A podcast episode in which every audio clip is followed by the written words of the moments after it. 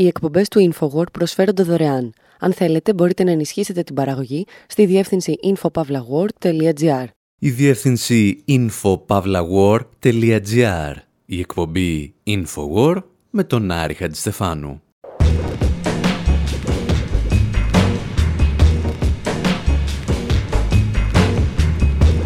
Όπου σήμερα παρακολουθούμε ταινίες πορνό συντροφιά με τους Pulp και τους System of a Down και αναρωτιόμαστε ποιος πληρώνει το λογαριασμό; Υποπτευόμαστε ότι ο πόλεμος εναντίον της πορνογραφίας που ξεκινά και πάλι στην Αμερική συνδέεται πάντα με βαθιές αντιδραστικές στροφές της αμερικανικής κοινωνίας και πολιτικής αλλά και ολόκληρου του κόσμου. Παρατηρούμε επίσης ότι ελάχιστοι ασχολούνται με τα δικαιώματα των εργαζομένων στο συγκεκριμένο κλάδο και το γεγονός ότι η πορνογραφία στο ίντερνετ έχει δημιουργήσει ένα από τα ισχυρότερα ολιγοπόλια στην ιστορία του καπιταλισμού.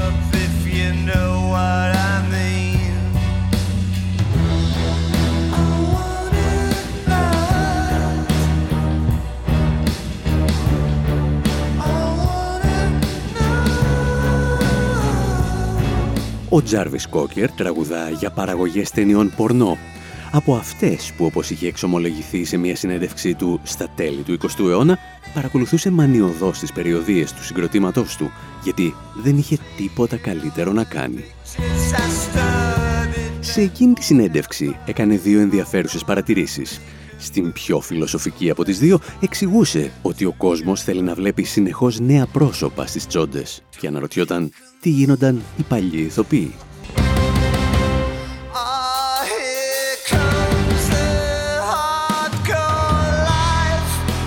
Και ύστερα σημείωνε ότι το ίντερνετ θα αποτελούσε το επόμενο βήμα για την πορεία της πορνογραφίας.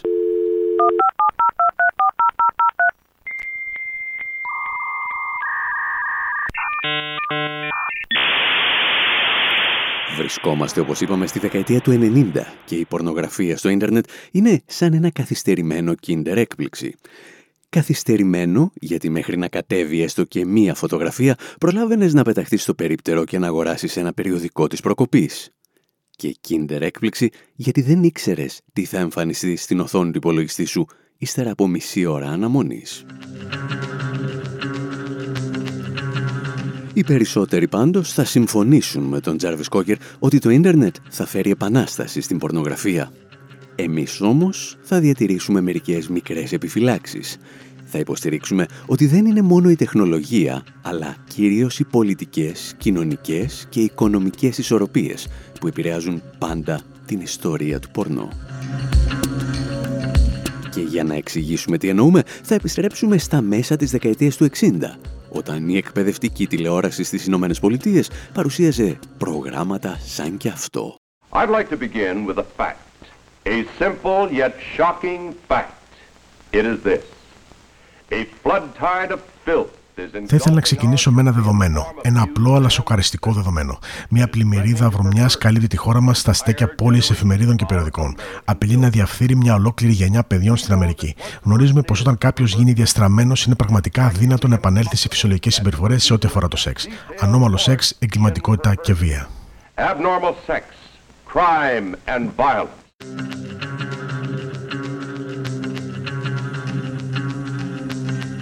Όπως θα δούμε και στη συνέχεια, ο παρουσιαστής εμπλέκει εδώ την πορνογραφία με την ομοφιλοφιλία.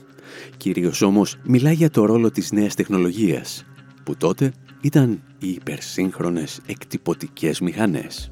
Now, you might ask yourself, why this sudden concern? Pornography and sex deviation have always been with mankind. But now Ίσως να αναρωτηθείτε προς τι αυτό το ξαφνικό ενδιαφέρον. Η πορνογραφία και η διαστροφή είναι σύμφυτη της ανθρώπινης ύπαρξης. Αυτό είναι αλήθεια. Σκεφτείτε όμως και κάτι άλλο. Ποτέ άλλο στην ιστορία οι έμποροι της διαστροφής και οι δάσκαλοι των ανώμαλων πράξεων δεν είχαν στα χέρια τους τις σύγχρονες τεχνικές για να διασπείρουν τη βρωμιά τους. Εκτυπωτικές μηχανές υψηλής ταχύτητας, γρήγορα μέσα μεταφοράς και μαζική διανομή συνδυάζονται για να κάνουν τη διαστροφή προσιτή σε κάθε άνδρα, γυναίκα και παιδί στη χώρα.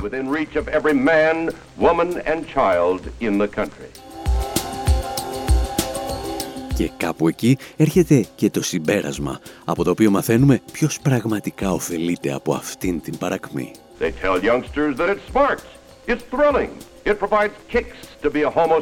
Λένε στους νέους ότι είναι αστραφτερό και συναρπαστικό να είσαι ομοφιλόφιλος, σαντιστής και κάθε άλλη μορφή αποκλίνουσα συμπεριφοράς. Αυτή η ηθική παρακμή εξασθενεί τις αντιστάσεις μας στην προέλαση των κομμουνιστικών γκουρού της εξαπάτησης.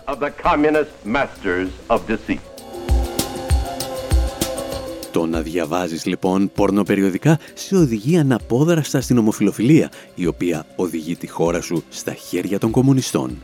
Απλές και καθαρές κουβέντες.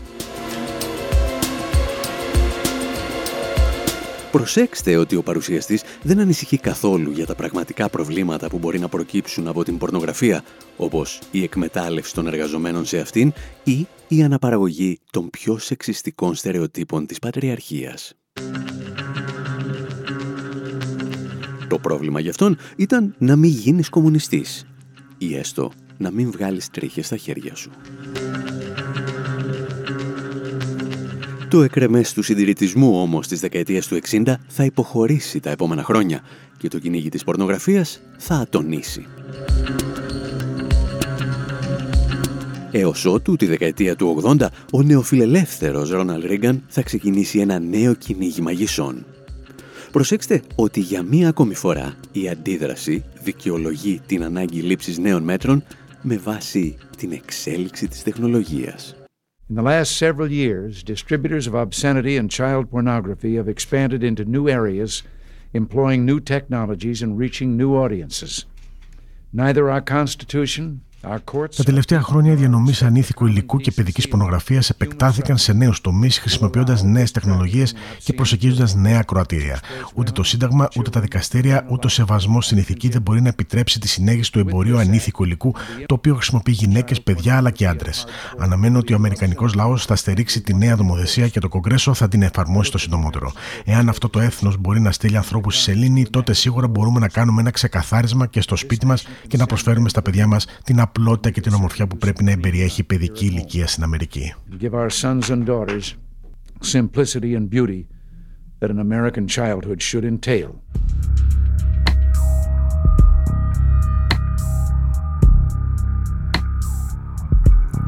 Μιλώντας για νέες τεχνολογίες με τις οποίες η πορνογραφία προσέγγιζε τα παιδιά τους, ο Ρίγκαν αναφέρονταν προφανώς στις βιντεοκασέτες VHS. Το σημαντικό όμως είναι ότι ο πρόεδρος των Ηνωμένων Πολιτειών έριξε σε αυτή τη μάχη ένα μεγάλο τμήμα του διοκτικού μηχανισμού των Ηνωμένων Πολιτειών. One of the nation's and the world's oldest business is under attack again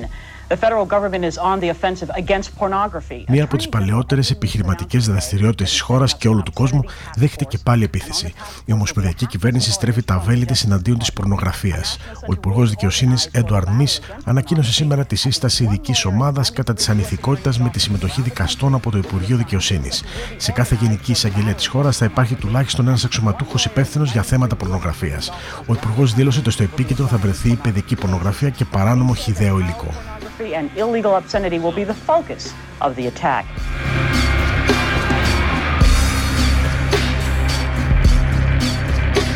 Ο νέος πόλεμος κατά της πορνογραφίας που κηρύσσει ο Ρίγκαν συσπηρώνει γύρω του όλο το θρησκευτικό φανατισμό της αμερικανικής κοινωνίας. Νέες θρησκευτικές και παραθρησκευτικές οργανώσεις ξεπροβάλλουν από παντού, ζητώντας πάταξη της πορνογραφίας, της ομοφιλοφιλίας και των εκτρώσεων. Τριών εντελώς διαφορετικών θεμάτων, τα οποία στο μυαλό του μέσου θρησκόληπτου Ρεπουμπλικάνου είναι ένα και το αυτό. Παρεπιπτόντος, έρευνα που δημοσίευσε χρόνια αργότερα το επιστημονικό περιοδικό New Scientist απέδειξε ότι όσο πιο συντηρητική ήταν μια πολιτεία στην Αμερική, τόσο μεγαλύτερη ήταν η κατανάλωση πορνογραφικού υλικού. Οι ιδιόκτες, δηλαδή, ήταν και οι καλύτεροι πελάτες. Το βέβαιο είναι ότι ο πόλεμος εναντίον της πορνογραφίας θα αφήσει πίσω του ένα δαιδαλώδες νομοθετικό πλέγμα το οποίο λέει ότι στις Ηνωμένες Πολιτείες η πορνεία είναι παράνομη αλλά η πορνογραφία προστατεύεται από την πρώτη τροποποίηση του Αμερικανικού Συντάγματος για την ελευθερία του λόγου. Προσπαθούσε κάποτε να τα εξηγήσει και ο Τζον Όλιβερ στην εκπομπή Last Week Tonight. Very basically, sex work is the exchange of sex for money or goods. And in the United States, a complicated patchwork of local... Σε γενικές γραμμές, η εργασία του σεξ είναι η παροχή σεξ με αντάλλαγμα χρήματα ή προϊόντα. Στις ΗΠΑ, ένα συνοθήλευμα ομοσπονδιακών και τοπικών νόμων απαγορεύει τη συγκεκριμένη εργασία με εξαίρεση ορισμένες κομιτείες στην πολιτεία της Νεβάδας. Και εδώ θα με ρωτήσετε, για στάσου, ο Ντόναλτ Σάδερλαντ και η Τζούντι Κρίστη δεν έκαναν πραγματικά σεξ στην ταινία μετά τα μεσάνυχτα και πληρώθηκαν γι' αυτό; Δεν είναι παράνομο. Στην πραγματικότητα αυτό είναι νόμιμο λόγω της παρουσίαση κάμερας η οποία μετατρέπει την πράξη σε έργο τέχνη. Αυτό που αποκαλούμε πορνό. Νομικά λοιπόν καλύπτεται από τις ρυθμίσεις για τη ελευθερία του λόγου. Για να συνοψίσουμε, το συνενετικό σεξ για χρήματα μπροστά στην κάμερα είναι νόμιμο πορνό, ενώ το συνενετικό σεξ για χρήματα χωρίς κάμερα είναι παράνομο. Λογικό, δεν ακούγεται; Off camera is illegal sex work. Makes sense, right?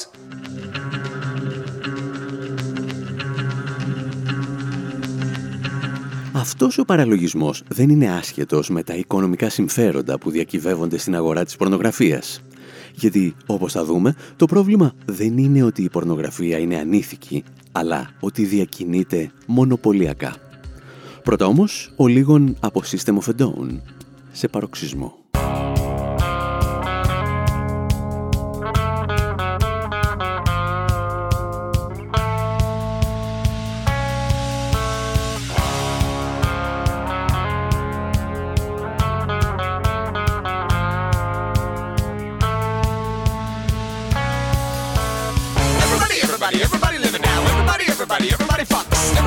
everybody, everybody living now. Everybody, everybody, everybody sucks. Everybody, everybody, everybody living now. Everybody, everybody, everybody cries. Everybody, everybody, everybody living now. Everybody, everybody, everybody dies. It's an I stop this convention, the best convention in the I stop this convention, the best convention in the I stop this convention in the convention in the I stop this convention in the convention in the convention in the Everybody, everybody, everybody living now. Everybody, everybody, everybody fucks. Everybody, everybody, everybody living now. Everybody, everybody, everybody sucks. Everybody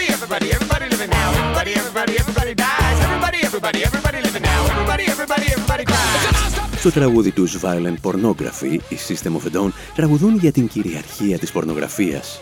Και το μόνο που λείπει από το μουσικό ρεπορτάζ τους είναι ορισμένα αριθμητικά δεδομένα.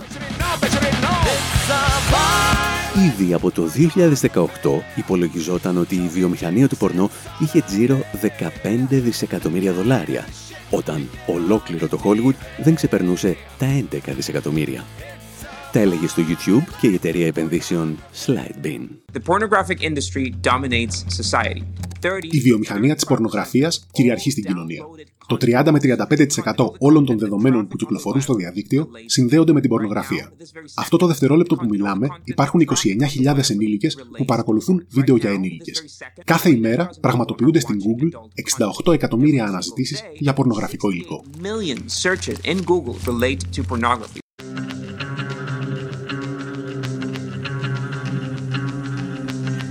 βασιλιά σε αυτή τη βιομηχανία αναδείχθηκε από πολύ νωρίς η ιστοσελίδα Pornhub, η οποία συγκέντρωσε πάνω της όλα τα βλέμματα. Κυριολεκτικά. 130 million users a day, which by the way is reportedly more than Netflix. 130 εκατομμύρια χρήστες την ημέρα. Περισσότερο δηλαδή από το Netflix και την Amazon. Κάθε μήνα πιστεύετε ότι έχει περισσότερους από 3 δισεκατομμύρια χρήστες. Ο κόσμος λατρεύει το πορνό και το Pornhub είναι το ισχυρότερο όνομα στην αγορά. So Pornhub is taking advantage of this global addiction. The website ranks in the top 10 το Pornhub εκμεταλλεύτηκε αυτόν τον παγκόσμιο εθισμό Κάθε χρόνο η εταιρεία βρίσκεται ανάμεσα στις 10 επιχειρήσεις που έχουν τον μεγαλύτερο κοινωνικό αντίκτυπο σε όλον τον κόσμο και βρίσκεται αμέσως μετά το Facebook και την Google. Το Pornhub όμως είναι μόνο μία από τις εταιρείες που βρίσκονται κάτω από την τεράστια ομπρέλα της MindGeek. Και αν δεν είχατε ακούσει ποτέ το όνομά της, δεν είστε οι μόνοι. You're not the only one.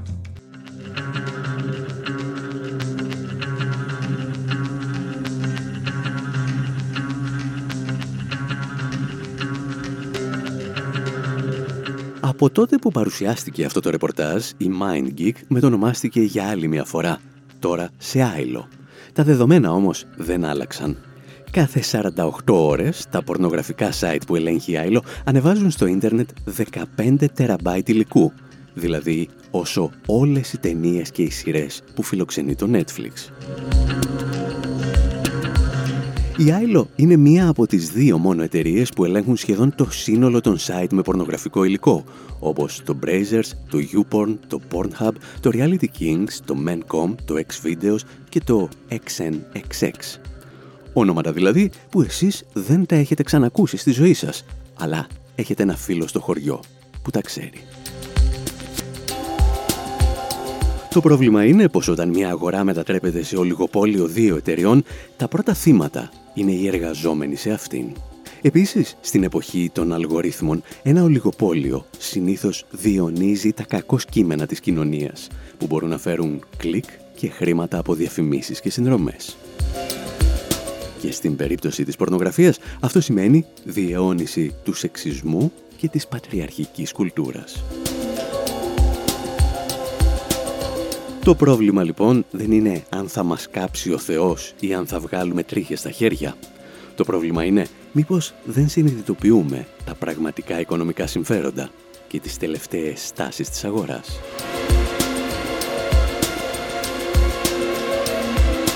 Εσείς πάντως, όπου κι αν είστε, μην κουνηθείτε από τη θέση σας, γιατί εμείς επιστρέφουμε σε λίγο με εντελώς διαφορετικές ιστορίες.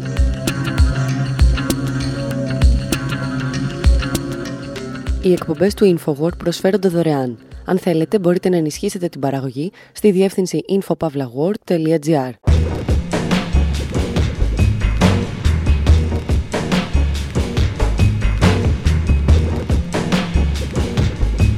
Εκπομπή Infowar, μέρος δεύτερο. Όπου αναρωτιόμαστε εάν ένας εξωγήινος μπορεί να είναι αριστερός, ενώ παράλληλα πραγματοποιεί μια διαστημική γενοκτονία. Ζητάμε γι' αυτό τη γνώμη των Orbital, των Pink Floyd και του BBC. Συζητάμε για τα 60 χρόνια του Dr. Who, μπερδεύοντας ιστορίες για έναν πόλεμο, μια απεργία και κάτι βασανιστήρια κρατουμένων.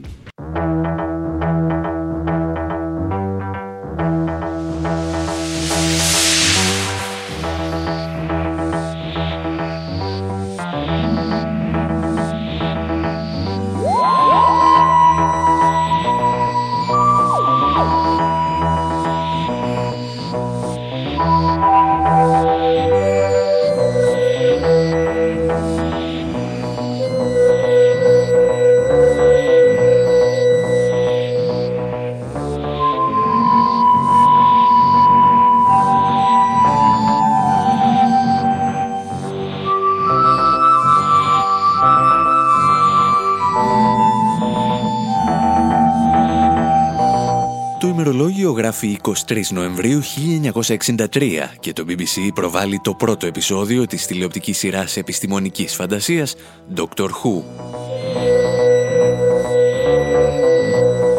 Και θα ήταν μια συνηθισμένη μέρα του Νοέμβρη εάν 24 ώρες νωρίτερα τα αμερικανικά μέσα ενημέρωσης δεν είχαν διακόψει το πρόγραμμά τους για να μεταδώσουν μια έκτακτη είδηση. President Kennedy was shot today just as his motorcade left downtown Dallas. Mrs. Kennedy jumped up and grabbed Mr. Kennedy. She cried, oh no. The motorcade sped on. Οι τηλεοράσεις όλου του κόσμου μεταδίδουν τις πρώτες πληροφορίες από τη δολοφονία του πρόεδρου Τζον Κένεντι. Και αν αυτό συνέβαινε σήμερα, θα σήμαινε συνεχή ροή ειδήσεων για κάνα δυο μήνες. Το BBC του 1963 όμως δεν είχε τέτοια προβλήματα. Είχε προγραμματίσει να παίξει Doctor Who και θα έπαιζε Doctor Who. Η ιστορία της τηλεοπτικής σειράς πάνω κάτω γνωστή. Ο πρωταγωνιστής, ο Ντόκτορ, είναι ένας λόρδος του χρόνου, δηλαδή ένα εξωγήινο ανθρωποειδές που ταξιδεύει στο χρόνο, νικάει τους κακούς και σώζει τον πολιτισμό της γης και όχι μόνο. Εμάς φυσικά από όλη αυτή την ιστορία μας ενδιαφέρει ένα ερώτημα που έθεσε το περιοδικό New Statesman. Ήταν ο Dr. Who αριστερός;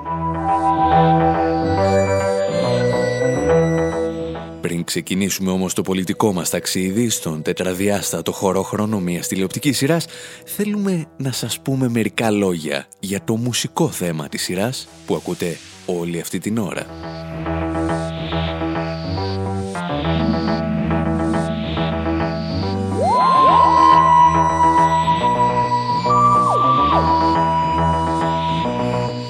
Πρόκειται ίσως για το πρώτο δείγμα ηλεκτρονικής μουσικής που μεταδόθηκε από την τηλεόραση. Οι δημιουργοί του δεν είχαν φυσικά στη διάθεσή τους τα σύγχρονα μέσα, αλλά έφτιαξαν μία-μία τις νότες σε μαγνητική ταινία και με τη βοήθεια ειδικών φίλτρων κατάφεραν να δημιουργήσουν το ηχητικό αποτέλεσμα που ακούτε. Για την ιστορία πρόκειται για τα ίδια μηχανήματα μαγνητικής ταινίας που χρησιμοποιήσαμε και εμείς στο ραδιόφωνο του BBC μέχρι και τα πρώτα χρόνια του 21ου αιώνα.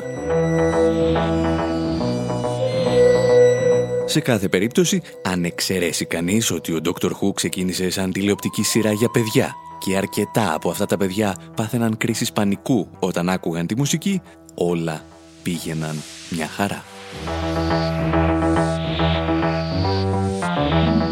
Το μουσικό θέμα της σειράς θα αλλάξει για πάντα την πορεία της ηλεκτρονικής μουσικής και ένα από τα πρώτα συγκροτήματα που καταλαβαίνουν την αξία του και το συμπεριλαμβάνουν στη δική τους μουσική είναι η Pink Floyd, σε τραγούδια όπως αυτό εδώ, το One of These Days.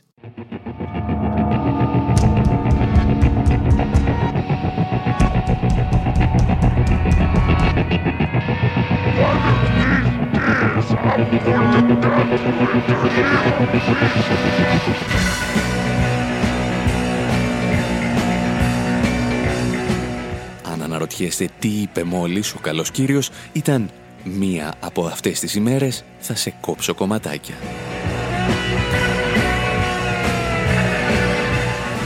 Και αν είστε από κάποιο συγκρότημα ή τεχνικό ήχου και μπορείτε να καταλάβετε ότι το δεύτερο μπάσο ακούγεται ελαφρώς χάλια, είναι γιατί ο David Gilmour, τον Pink Floyd, ζήτησε τότε από έναν τεχνικό να πάει να του αγοράσει καινούριες χορδές.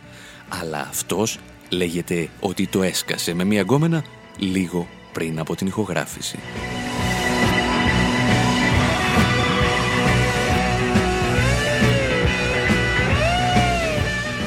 Εμείς όμως παραμένουμε μια σοβαρή πολιτική εκπομπή και οφείλουμε να απαντήσουμε μόνο στο αρχικό ερώτημα που θέσαμε.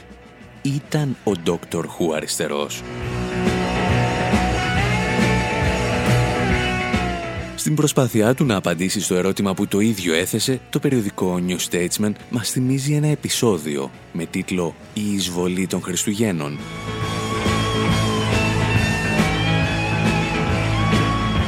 Για να μην σας ταλαιπωρούμε με λεπτομέρειες, ο Dr. Who έχει σώσει τη γη από μια εισβολή εξωγήινων, αλλά ενώ το εχθρικό διαστημόπλιο απομακρύνεται από τον πλανήτη μας, η Βρετανίδα Πρωθυπουργός διατάζει να το βομβαρδίσουν.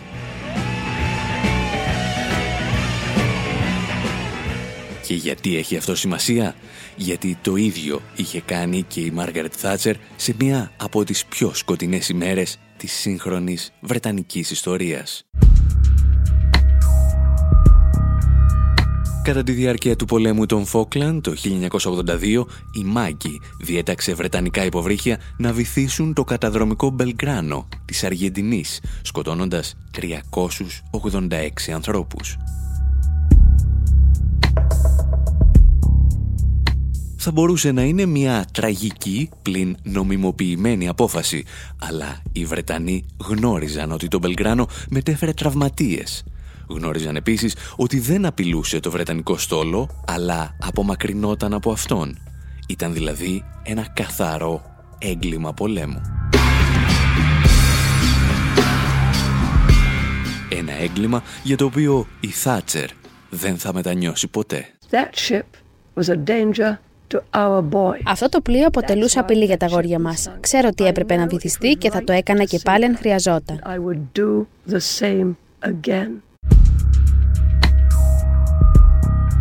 Η Βρετανία παραμένει ακόμη και σήμερα διχασμένη για τη βήθηση του Μπελγκράνο, με μεγάλο κομμάτι της Βρετανικής αριστεράς, αλλά ακόμη και των εργατικών, να μιλούν για έγκλημα πολέμου. Ο Dr. Who δεν φαίνεται να συγχώρεσε ποτέ τη Θάτσερ, όπως δεν την συγχώρεσαν και οι Pink Floyd, που τις τραγουδούσαν από τότε «Τι πήγες και έκανες, Μάγκη»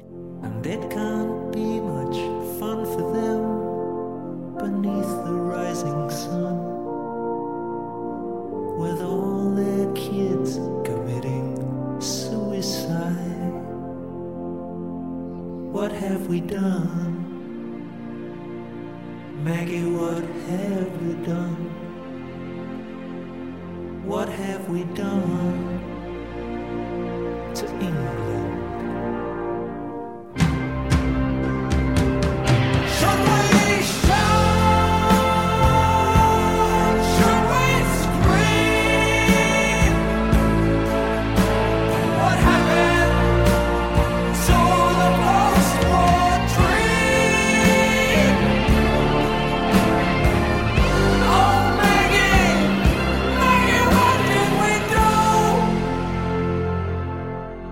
Στην εκπομπή Infowar με τον Άρη Χατζηστεφάνου εξετάζουμε τις πολιτικές πεπιθήσεις του Dr. Who. Είδαμε ότι τα εγκλήματα πολέμου της Μάργαρετ Θάτσερ φαίνεται να τον ενοχλούσαν. Παλαιότερα όμως τον ενοχλούσε και η πολιτική της κυβέρνησης απέναντι στους απεργούς ανθρακορίχους. Σε ένα επεισόδιο του 1974, στον πλανήτη Πέλαντον, οι ανθρακορίχοι κατεβαίνουν σε απεργία, ζητώντας βελτίωση των συνθήκων εργασίας. Είναι ο τηλεοπτικός απόϊχος των μεγάλων απεργιών της Βρετανίας του 1972 και του 1974. Καθώς η Βρετανική οικονομία βυθιζόταν στην κρίση, τα μεγάλα Βρετανικά συνδικάτα έδιναν γενναίες μάχες και εξασφάλιζαν ότι την κρίση δεν θα την πλήρωναν μόνο οι εργαζόμενοι. Είναι οι τελευταίες μεγάλες νίκες πριν από τις μεγάλες ήττες της δεκαετίας του 80. Είναι η εποχή που οι Strobes τραγουδούσαν ακόμη περήφανα «Δεν μπορείς να με πιάσεις γιατί είμαι μέλος του συνδικάτου».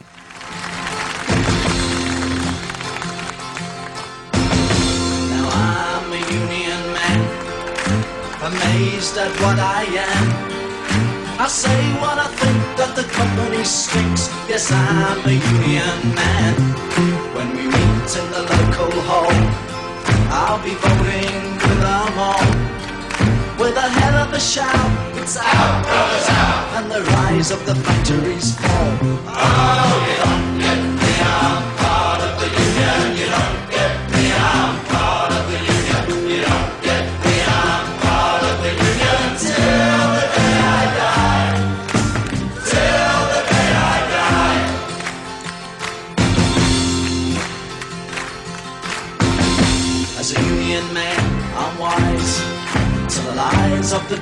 spies. And I don't get fooled by the factory rules, cause I always read between the lines. And I always get my way if I strike for higher pay. When I show my card to the Scotland Yard, and this is what I say. Oh,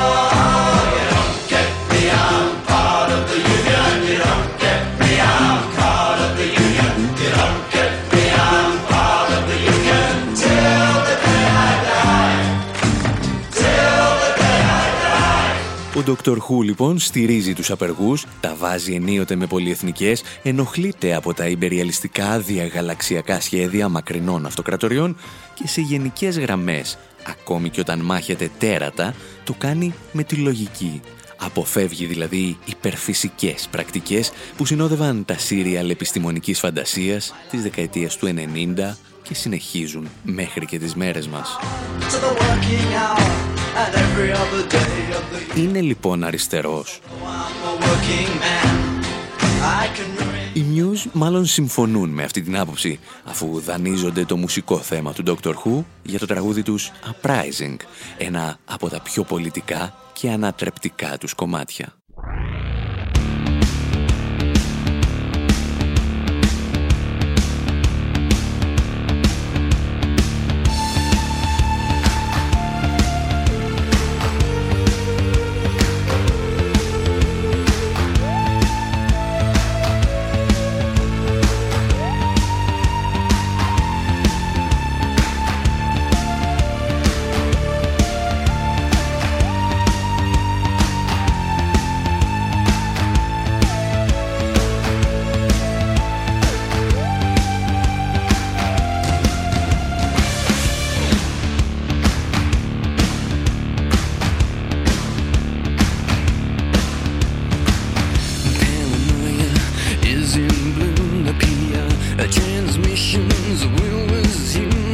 better. Push tried to keep us all down.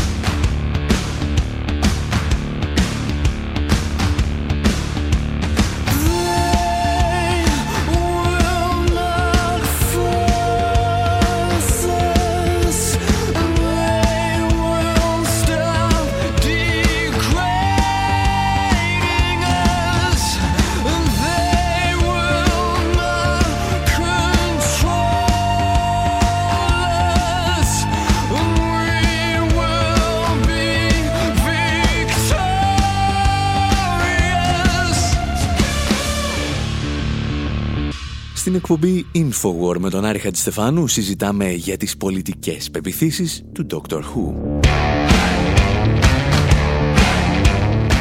Και αν μέχρι τώρα σας έχουμε κάνει να πιστέψετε ότι μάλλον κλείνει προς τα αριστερά, θα μπορούσαμε να κάνουμε άλλη μια εκπομπή και να σας πείσουμε για το αντίθετο.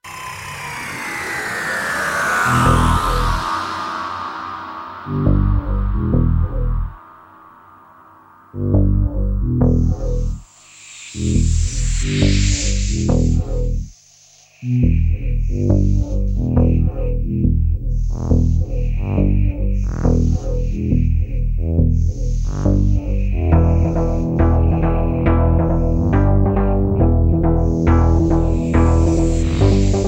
Dr. Who, βλέπετε, ξεκίνησε τα ταξίδια του μέσα σε έναν από τους ειδικούς θαλάμους που τοποθετούσε η Scotland Yard στους δρόμους του Λονδίνου για τις επικοινωνίες των αστυνομικών.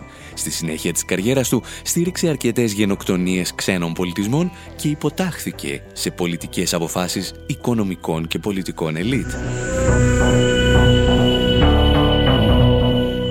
Και πριν προλάβετε ότι είναι η αριστερά της ευθύνης του τετραδιάστατου χωρόχρονου, να σας πούμε ότι τα πράγματα είναι ελαφρώς πιο σύνθετα.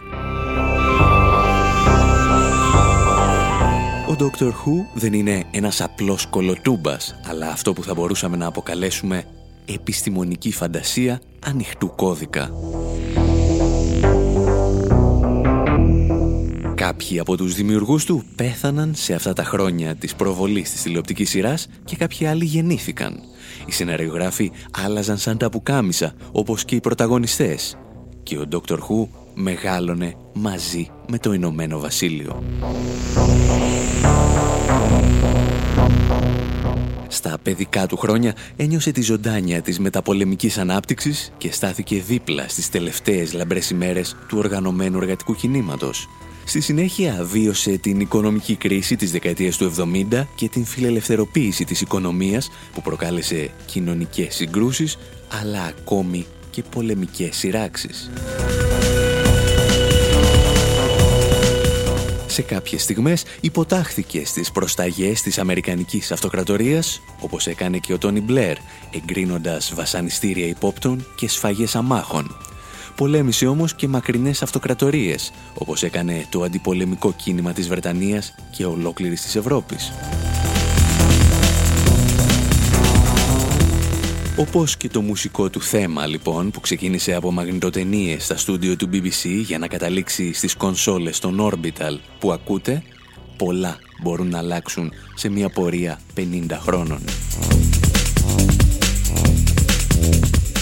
Και αν εσάς σας αρέσουν αυτές οι ιστορίες, θα βρείτε εκατοντάδες άλλες στο site της εκπομπής στη διεύθυνση info.pavlawar.gr